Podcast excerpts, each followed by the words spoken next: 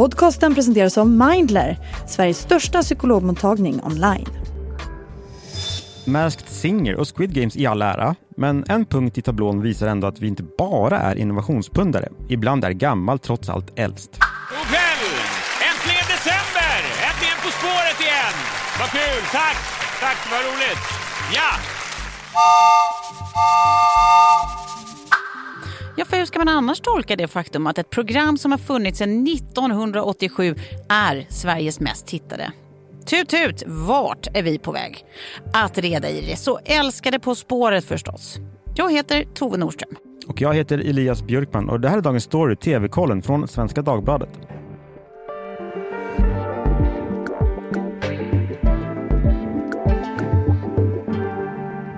Du en eh, På spåret-gluttare, Elias? Alltså jag är original På spåret. Ja, OG. Ja. Alltså gärna Oldsberg och Hellberg va? Just, just, du vill ha det, det, det gamla. Nej, men jag kan se nu också, men jag såg det nog mer när jag var typ 10. Ja! Vilken fredag med final i eh, På spåret. Det är ni. Final du. Just det. Vad tänker du på då? Har man finaler i måltider? Ja, absolut. Förr i världen fanns ett ämne som hette måltidsfantasterier. Och då lät man faktiskt desserten gå ihop med fyrverkerier, dans och det blev en konstnärlig installation i hela ens kropp. Har du spelet hemma och så? Det finns ju sällskapsspelsversion. Nej. Nej. Nej. Du då? Jag tycker om det, men jag är mer periodare. Jag glömmer bort att det finns då och då. Och sen så kommer jag på att det finns och så tycker jag att det är jättemysigt en stund. Jag ser det numera varannan vecka, för då har, har jag min son hos mig och han Just det. är ett fan i alla fall första frågan. Sen brukar han leka med annat, men Ja. sen får jag sköta Duo-appen. Just. Mm. Ja, nej, men det är ju någonting, det är ju eh, det här med att man liksom vaggar sig själv i myskänslan Mm. av att man kanske hade kunnat göra okej ifrån sig. Ja. De gånger som det är så. Sen är det vissa gånger när det är total katastrof och man bara ja, behöver se sig själv i spegeln på ett sätt som plötsligt är obehagligt. Men det betyder ju bara att eh, vi är eh, som ganska många andra svenskar, om Mm. vi uppskattar detta och eh, kikar in på det här ibland. För På spåret är ju alltså det mest sedda programmet i svensk linjär tv. ja. Och vad är så himla anmärkningsvärt med det då? Ja, ganska många saker faktiskt. Dels att det, det är ju liksom inte knas-action. Det är ju inte tempo i tv-format. Liksom. Och det är inte sådär heller att man, man kastar in eh, helt sjuka twister i tid och otid. Att man jobbar med cliffhangers och sånt där. Liksom. Det är inte jättestora känslor på display, även om det kan vara känsloyttringar. Och Det är inte ens dyrt sceneri. Alltså jag bara försöker tänka allt annat som brukar eh, make or break andra former av tv-format. så är det ju ofta såna här ja. saker. Eh, Men framför allt kanske så är det väl anmärkningsvärt att det är, det är att betrakta som en riktig institution det här ju. Mm. På spåret. För den här frågesporten har ju då funnits i hela 36 år nu. Alltså med tre, tre korta undantag runt 90-talets start. Så har det alltså funnits i 36 ja det, var, det fanns inte riktigt då. Jo, det var, det var i, i tre år. Inte, inte eh, consecutive, alltså inte, inte som hängde ihop. Men vid tre olika tidpunkter runt, runt 90-talets start så var det pausår. Mm. Men i övrigt har det ju eh, rullat kroniskt. Ja, en institution helt enkelt.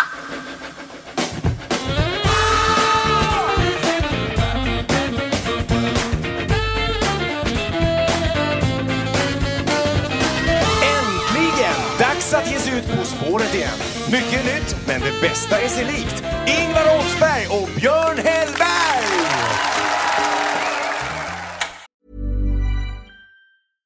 Finding your perfect home was hard, but thanks to Burrow, furnishing it has never been easier. Burrow's easy to assemble modular sofas and sectionals are made from premium, durable materials, including stain and scratch resistant fabrics. So they're not just comfortable and stylish, they're built to last. Plus, every single Burrow order ships free right to your door. Right now, get 15% off your first order at burrow.com slash ACAST. That's 15% off at burrow.com slash ACAST. Det är ju en svensk eh, originalidé det här också. Det är faktiskt inte alls så vanligt om ni undrar varför jag nämner det. Ja, Alltså det vill säga att formatet inte redan har funnits och, och rönt framgångar på någon annan marknad. Så är det ju ofta med nya format. Men det här är alltså en svensk originalidé. Och de gjorde ett försök också för en motsvarighet i Norge som snabbt lades ner. Men här tyckte vi att det var eh, rätt in i vedboden så att säga. Det både tyckte vi och tycker vi. Mm. Bakom den här idén så låg då frilansjournalisten Lennart Andersson, kanske inte du vet vem det är, och tv-chefen Sten Previn, kanske inte heller vet vem det är. Men den hade ju också en tredje gubbe, och kan du gissa vem det var då? Ingvar Oldsberg. Ja, något av det finaste vi har från västkusten, Ingvar Oldsberg. ja. Just Salig. Oldsberg, ja, salig, precis, rest in peace. Men just han var ju också ansiktet utåt kan man väl nästan säga. Det är väl rättvist? Det är det. För väldigt länge för det här konceptet. Eh, hans programlederi för På spåret det varade i 22 år.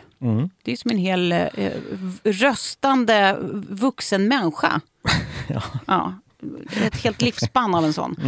Han hade ju då hans mest kända parhäst, det är domaren eh, Björn Hellberg.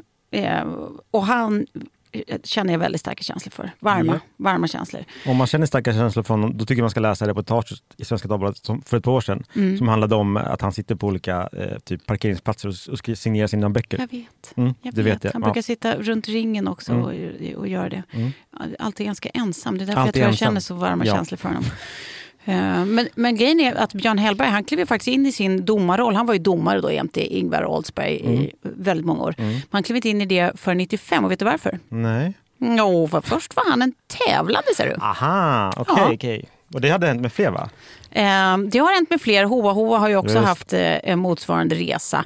Men, men Björn Hellbergs var det ju ovanligt länge. För han också, han var ju alltså en tävlande som vann fyra säsonger i rad. Så de, var, de, de utgjorde ett fall av vad man då kallar för Peter Polkander-syndromet. Och det betyder alltså att man har, man har varit så dominant i något att man till slut inte längre får tävla mer i det. Och det var liksom Björn Hellberg, att man bara, men det går inte längre. Han, han, det, ingen har ju en chans så länge han är med. Fyra gånger i rad, det, that's it. Nu får du bli domare istället. Vem tävlade han med? Eh, lite olika faktiskt. Ehm, det var inte alltid samma uppställning. Och där måste man ju fråga, vad gjorde den här Peter Paul Kander. som var så... Jag gissar att han gjorde samma sak, att han fick sätta något slags prejudikat för när man inte längre får... Ah, ja, han var också På spåret eh, Ja, det, jag vet inte om han kommer från På, på spåret faktiskt. Så Nej, men en tv-frågesport. Okej, Ja. jag fattar. Mm. Ja, nej, men, men jag kände direkt att goals ändå. Ja. Tänk att vara med, att, att, att bli eh, Peter Polkandrad ut ur något. Det där Man är så måste, jävla dominant. det där vill man ha som ett ny, ny uttryck, ny ord nästa år. Exakt. Att jobba in det. Ja, verkligen. Goals på så många sätt. En till liten också På spåret trivia då, eftersom vi älskar såna. Vet du vems eh, starka lag som blev det allra första att vinna? Mm, nej, men Hoa var väl vinnare tidigt? Precis, han var först. Ja. Han var först. Tyngdlyftaren och wrestlingkommentatorn. Det tycker jag är väldigt kul. Han har varit med massor av gånger sedan dess. Ett år som domare, eh, väldigt tidigt. Och sen så var han, eh, har varit med som tävlande i flera olika konstellationer och flerfaldig finalist. Så där får man verkligen för fördomar man eventuellt har kring starka män. Just det. Han är en sån kändis som jag tänker att folk efter, födda efter 97 typ inte har någon aning om vem det är. Nej, så är det säkert. Men han, han var ju en, ett ansikte för tyngdlyftare kan man väl säga. Alltså- Och mjuka pappor. och mjuka pappor. Även om han, han gjorde alltså reklam som blev legendarisk för pappaledighet. Även om han Just det. själv aldrig var pappaledig faktiskt. eh, hur som helst. 2009 så tog ju eh, det nuvarande teamet, det vill säga Christian Lok och Fredrik Lindström, Mm. över som programledare och domare. Eh, och så har det tutat på sedan dess. Just det. Mm. Ja, är vi framme idag då? Då är vi verkligen framme idag. De har ju tagit över, de har ju gjort, eh, de har ju tagit framgångskonceptet vidare. De, många trodde kanske inte att de skulle lyckas så väl. Nej. Men varför då? Varför har just detta frågesportprogram lyckats så bra och varför har andra inte gjort det? För det frågar jag mig och då måste jag gå till Wikipedia till att börja med. Och Som där, man gör. där ordet frågesport lanserades, eh, får jag reda på, av Aftonbladet. Den Jaha. 15 december 1938 för den programtyp som ett par veckor tidigare debuterat i Sveriges Radio under eh, namnet Vem vet vad? Så Mm. att, jag vet inte. Jag tycker det låter sent att någon kom på det 1938 men, eh, men alltså uttrycket frågesport. Just det. Ja, men det kanske bara hade eh, frågetävling eller hette någonting annat Ja, variant ja, exakt, av det. Exakt. Man kallar det Inte sport. sport. Ah, det var säkert det. Säkert Såklart. sånt. Ja. Ja, men eh, jag tänker på spontant på Jeopardy, Mm. också framgångsrikt i Sverige, men inte samma underhållningsvärde kanske. Mer sådär eftermiddags-tv. Just det. Eh, Magnus Härenstam körde väl det ett bra tag. Ja, fast då var det väl prime time? Ja, då var det nog. Ja. Ja, det, var, det var ju stort då. Men det, uppenbarligen har det inte, det har, finns väl nu också, men det är inte alls samma. Ja, precis. Det nylanserades ju för Ja. inte så himla länge sedan. Men det är inte samma, det är inte På spårets siffror. Nej men eh, Vem vet mest med Rickard Olsson? Det gick länge. Eh, Ja. inte bara med Rickard Olsson, det var andra programledare också, men det gick från 2008 till 2020. Men inget är som På spåret. Och då är frågan, har det bara med, med liksom slottider att göra? Har det bara med när det sänds att göra? Nej. Jag tror inte det. Jo men det jag ville återkomma till var det här att jag tittade på det som barn och då var det inte kredit, då var det ju tvärtom. Eh, Kredit eller coolt eller så. Det, det var ju stort men det var liksom något som mina gamla föräldrar, de var ju för sig typ 40 då, men Mm. de I kändes ett barns gamla. ögon urgamla. Stentrist var det, Mm. tyckte, man, eh, tyckte folk. Men jag gillade det, har jag för mig. Men sen hände ju något då och det är i slutet av 00-talet, alltså det första decenniet Mm. på det här århundradet. Då hände något. Det blev coolt att kolla på På spåret. Mm. Det var hippt. Det blev coolt med kunskap. Det var faktiskt Hanna Fahl som skrev i Svenska Dagbladet då. Hon hittade, försökte leda bevis på en gammelmanstrend. Mm. Och då hade hon sett att citat, något har hänt den senaste tiden. Helt plötsligt älskar normalhippa, hyfsat unga innerstadsbor På spåret. Mm. Och jag minns det här väldigt väl. För plötsligt så skulle alla kolla på detta och hon refererade till någon liksom förfest där folk kollade på På spåret. Och, ja, men det var den stämningen minns jag Mm. eh, de här åren. Ja, men, och jag tänker att den var ju mycket större än bara det här. Alltså, det var ju en, en, en slags trend med någon slags återgång till allt som kändes eh, vad ska man säga, genuint, gammalt, på riktigt. Alltså, det gällde ju hantverksgrejer. Mm, det mm. gällde vad för typ av öl vi skulle dricka. Det var ju surdegsbaket som fick en superskjuts. Det var ju liksom Ja. ganska mycket sånt där. Ja, man ska, en, någon slags återgång Mm. till, något, till något gammalt som, som blev på tapeten. Jag tror att du är inne på samma spår som hon är. För att det, hon menar ju att det berodde på lågkonjunkturen. Jag, alla kanske inte minns det här, men det Mm. var ju kraschen var väl 2008 va? Eh, eller var det 9? Eh, den stora bo, bostadsbubblan där, Mm. lånebubblan i USA som ju spred sig över hela världen. Så det menar ju hon var hon skriver då att man kryper in i statstelevisionens trygga livmoder och väntar på bättre tider. Jag tror att det, jag tror att det verkligen hör ihop med det du säger. Mm. Vi har också haft en ganska explosiv utveckling av typ digital kultur de här åren. Det kanske har gått väldigt snabbt, så då kanske man är så här, söker sig till de här eh, långa värdena, eller vad ska man säga? Ja, de här, precis. Eh, Det är följa är- en surdeg under ett par år. Ja, exakt. Nej, men saker som tar tid och känns som att det är liksom, eh, någonting konkret och Mm. hantverksmässigt. Och, Mm. Jag vet inte om det, det, kanske inte det är inte direkt svar på frågan, men det visar på särställningen ändå På spåret har och har Mm. haft och har fortsatt i svenska nöjeslivet. Mm. Eh, det har liksom alltid funnits en publik på något sätt, en stor publik. Och det här då möttes de här yngre och de äldre och nu är det helt... Eh, nu verkar det som att det är, alla ser vidare på det, eller de flesta. Mm. Eh, men det, det tyckte Fredrik Strage var dumt. Han tyckte det var töntigt. Alltså, Det var- det är den slutgiltiga spiken i kistan för generation X. Eh, vi som var unga och balla och arroganta i början av 90-talet. Och nu så liksom hade de gett upp. Eh, och, och, och, eh, ja, festivalfestande för överåriga indie-kids blev liksom ersatt med tv-mys. Ja. Jag tror att, han, att folk bara växte upp runt honom. just det, precis. Alltså, hans generation blev lite... han känner att Pe- Peter Pan förlorade alla sina Lost Boys Ja. till På spåret. Exakt. Nu står han där ensam. Men Ja. eh, som du varit inne på, kanske är det något ännu inte svenskt. Som du sa, Mm. norska varianten höll ett år. Ja, fin, Finland tror jag ska eh, lansera en version, eller har lanserat har nu under året, men det verkar ja. inte ha gått något vidare heller. vidare. Och den, om man tittar på den bilden från, jag har bara sett en bild från eh, studion där Mm. så, och programledarna, det känns väldigt mycket icke På spåret. Just Allt det som inte är På spåret. Ja. Men det är ett enkelt koncept, det är ett populärt koncept. Vi får ge oss det med modersmjölken nu. Ja. Det verkar räcka- långt. Man lägger inte heller ner ett program som är så populärt. Nej, nej men precis. Det, man gör ju inte det, man har ingen anledning att göra det. Men det är ju inte bara programmet i sig som är populärt. Alltså det är så väldigt mycket, Mm. alltså programledarna gör ju mycket Ja, ska sägas. Det ja. är väl därför också som det har varit en institution även för de som innehar de här programledargiggen. Det har ju varit långbänkar för, Mm. för båda de stör, största profilerna då kring Mm. det här. Men även för folk som tävlar. Alltså det, det.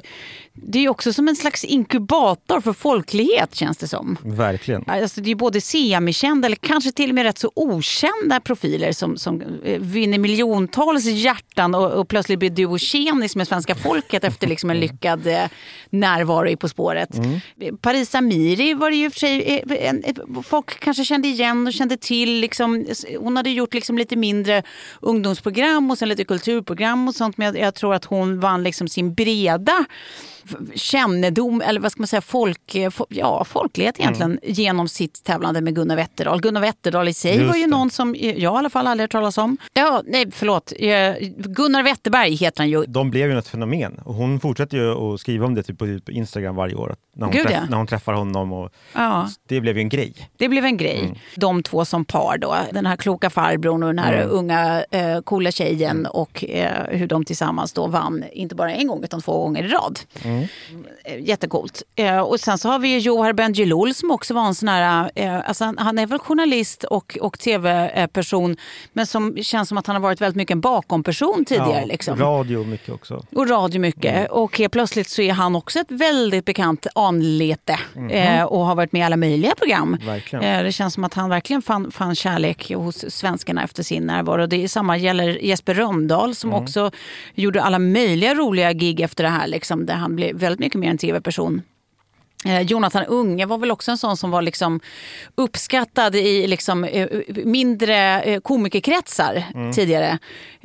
Men som helt plötsligt Sverige som helhet fick upp ögonen för och, och tyckte att han var otroligt Mm. rolig eftersom han är det. Cecilia Dyringer, inte minst, som då var hans medtävlande för ett par år sedan. De gick hem och, eller tog hem hela, hela grejen då.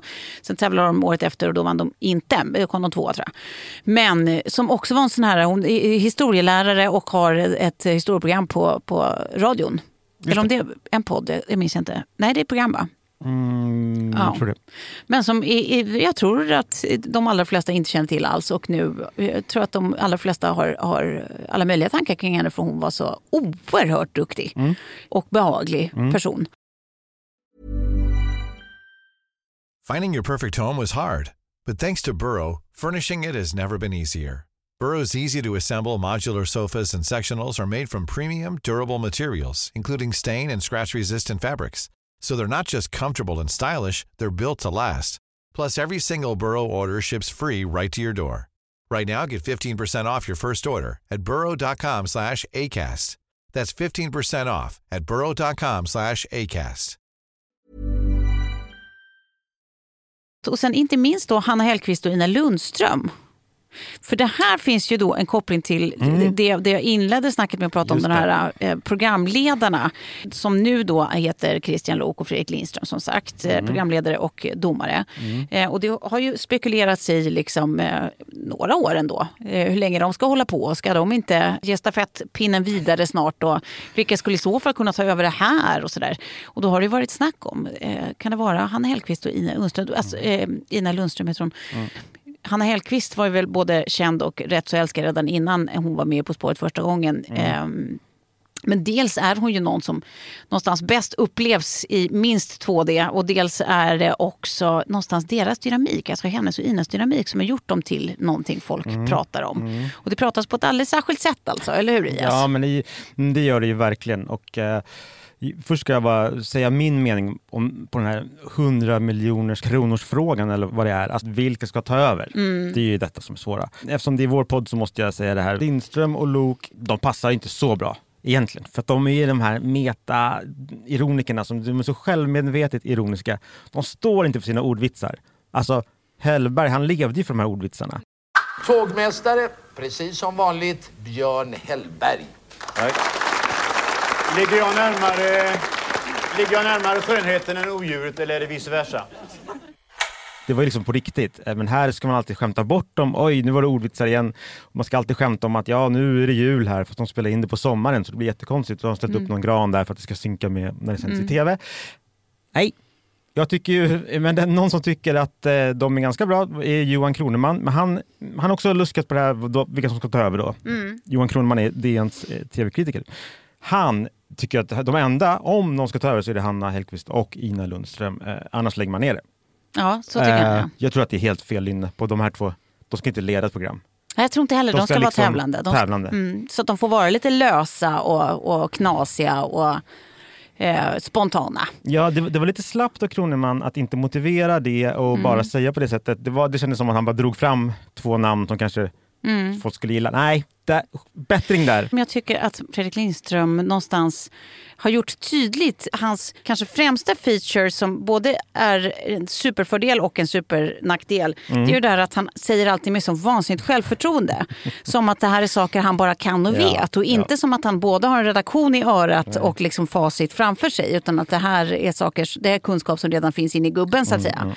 Eh, och, och det kan man ju tycka är, så är han ju i alla sina sammanhang egentligen. Det kan man ju tycka är urstörigt, den självgodheten. Liksom. Men samtidigt så tror jag att det där också krävs i en domarroll. Man vill ha någon som känns som att de har inte tillgång till Google framför allt utan de har tillgång till sin egen eh, kunskapsbank in i huvudet. Men vad är det då? Vad landar vi i? Varför, varför Vad På spåret kan vara... Ja, men precis. Vad är det vi älskar? Det, jo, men så här, jag tycker i alla fall. Det är ju det perfekta programmet för den här demografin jag gissar fortfarande tittar på linjäl tv. Mm. Eh, prime time på helgen och sådär. Det känns, det känns snällt och tryggt och inte fördummande till skillnad mot en helt del annat som man, det vill säga jag, glor på. Eh, tvärtom så blir man ju lycklig när man kan, kan jämföra sig med de här som vi var inne på i början. De här som, som är urduktiga eh, tävlande. Eh, och kan man inte det så har man i alla fall garanterat lärt sig, lärt sig någonting. Allt nytt sånt där som man kan plocka upp är sånt man sen har möjlighet att droppa på nästa middagsbjudning. Så det är väl kanon. Alla jul behöver ju faktiskt inte uppfinnas på nytt, tycker jag. Nej. Och, och därför är det liksom, man vill ju slå ett slag för såna här institutioner som bara får fortsatt pågå. Vissa kan faktiskt bara harva på och, och eh, agera någon slags beacon av analogt light i våra eh, ruskiga AI-tider. Och det är det jag tycker På spåret gör. Eh, precis som att eh, Ivanhoe går på nyårsafton, midsommar ska innehålla någon form av regnskur. Första snön ska fucka upp lokaltrafiken och tv-kollen kommer med nytt kött varje lördag. Det här är alla saker som hjälper oss hålla fotfästet i samtiden. Vissa saker behöver förbli. En annan sak som är kul är att kvällstidningarna varje vecka recenserar liksom kunskapsnivån mer eller mindre. Ja. Alltså inte programmet så mycket, Nej. utan det är mycket så här Hur duktiga är de? annorlunda men rolig journalistisk genre. Också någonting som, som skulle avskräcka, inte minst mig, från att någonsin delta i sånt där. Att veta att sen, sen, sen sitter det någon där på en tidningsredaktion och ska Mm. utvärdera hur dum i huvudet jag är. Det är som med de här artiklarna när de, när de eh, skriver hur mycket kändisar har fått på eh, högskoleprovet. Men det är fint det här, du nämnde så många exempel på folk, folk som blivit folkkära för att de kan mycket. Ändå, det är fint. Mm. Det är ett fint sätt att bli känd. I, i, den här, i just denna, när det, det känns som att en fördom är att det är så mycket ja, okunskap och vi inte liksom Ja. går igång på skola eller utbildning eller bildning. Men Precis. här gör vi uppenbarligen det. Här gör vi uppenbarligen. Ja, men exakt. Vi, vi älskar eh, På spåret, låt det fortgå helt enkelt. Annars Ja. kommer min son bli rasande. Verkligen, så det är vårt främsta skäl. Men med det sagt, binge eller blä? Binge eller blä? Det blir verkligen. Eller blä. Det är faktiskt dags för binge eller blä. Jag börjar, Ja. så det blir ingen sång, men det blir ett uppdrag. Jag har Ja. en binge till er alla och till dig Tove. Jag tycker att lägg bort den där himla mobilen nu. Ja. Ja, du ska faktiskt inte titta på den på tre och en halv timme. Då ska du ägna dig åt Martin Scorsese-mys. ja. För att hans senaste film Killers of the Flower Moon finns nu att hyra eller köpa online. Det är nog hans bästa film sen Casino. Casino kom 95. Det Mm. är Leonardo DiCaprio och det handlar liksom om mord i 1920-talets eh, USA. Just. det, vi, vi kan nöja oss där. Vi nöjer oss där. Men det, man Men ska titta på den ostört. Ja. Ja. jag tycker det. Ja. Fattar. Bra. Bra, då kan man göra det istället för att eh, titta på Escaping Twin Flames på Netflix. Det här är alltså en dokumentär om en slags sekt eller vad man ska kalla det em, i USA som totalt profiterar på människors, framförallt kvinnors längtan efter kärlek helt enkelt. Eh, Och jag ska vara jättetydlig och säga att det här blät egentligen inte handlar om att det här inte är underhållande tittning. Eh, Det är det. Utan det här blät är liksom mer att betrakta som någon slags triggervarning inför alla starka känslor man känner över den här serien. Där den största kanske ändå är hur fasen kan vi vara så jävla dumma? Vi människor. Eh, Han sekt eller kultledaren eller vad, vad vi nu ska kalla honom. Han, han, han är så uppenbart en ond, dum, idiotisk, kappvändande eh, narcissist. Men eh, ja, eh, hur som helst, do with that what you will. Jag säger blä. Det är kittlande att ändå ta sin titt. Ja, jag, jag förstår det. Det här blir sån eh, reklam, reklam i, i paketering av antireklam. Men eh, en annan antigrej det är ju känslan kring att det är slut för idag. Ja. För det är det. Eh, vad man kan göra däremot det är att gå in på svd.se tv-kollen och så kan man få massa tips och recensioner tills vi är tillbaka igen. Och så finns ju Bäst på TV, nyhetsbrevet, som jag tycker man ska prenumerera på. Dagens avsnitt producerades av Julia Vireus och ansvarig utgivare är Martin Ahlqvist.